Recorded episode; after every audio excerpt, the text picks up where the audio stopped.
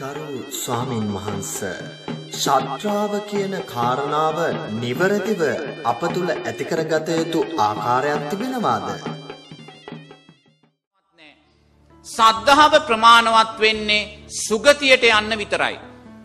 මේ සද්ධාවත් විදර්ශනා නුවණින් දැක්කේ තැනයි අචල සද්ධාව සකස් වෙන්නේ පිංගතුනි. එහෙනම් මේ සද්ධාවත් අපි විදර්ශනා නුවණින් දකින්න ඕනේ. සද්ධාව විදර්ශනා නුවණින් දකින්න ඉස්සෙල්ලා මේ සද්ධාවේ භයානක තැනක් තියෙනවා පිංගතුනි. ඒ භයානක තැන තමයි අමූලිකා සද්ධාව කියලා කියන්නේ. බුදුරජාණන් වහන්සේ මේ මහපොළොවෙන් පස්සහුරක් අරගෙන ලෝකයාට පෙන්නල කියනවා මහනෙන මේ මැරෙන සත්වයින්ගෙන් සුගතිගාමී වෙන්නේ මේ අතේ තියෙන පස් ප්‍රමාණයටයි කියලා. මහපොළවේ පස් ප්‍රමාණයට දුගතිගාමී වෙනවා කියලායි බුදුරජාණන් වහන්සේ දේශනා කරන්න. දැ මේකෙන් බලවත් අනතුරු හැඟවීමක් වර්තමාන සමාජයට බුදුරජාන් වහන්සේ කරනවා පිංහතුනි. මොකක්දේ අනතුරු හැඟවීම. මැරෙන සත්වයින්ගෙන් සද්ධාව සකස් කරගෙන ඉන්නේ මේ අතේ තියෙන පස්මිටේ ප්‍රමාණයටයි කියන කාරණය. එනම් මෙතන බලවත් අනතුරු හැඟවීමක් බුදුරජාණන් වහන්සේ ලෝකයාට කරනවා පිංහතුනි. බුදුරජාණන් වහන්සේ දේශනා කරනවා සද්ධාව කියන්නේ මේ ලෝකයේ ශේෂ්ඨ ධනයයි කියලා. සද්ධාවට වඩා ශේෂ්ඨ ධනයක් මේ ලෝකෙ නෑ පිංහතුනේ.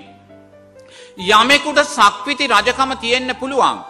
මේ සක්විති රජකමටත් වඩා සද්ධාව ශේෂ්ඨයි කියලා බුදුරජාණන් වහන්සේ දේශනා කරනවා.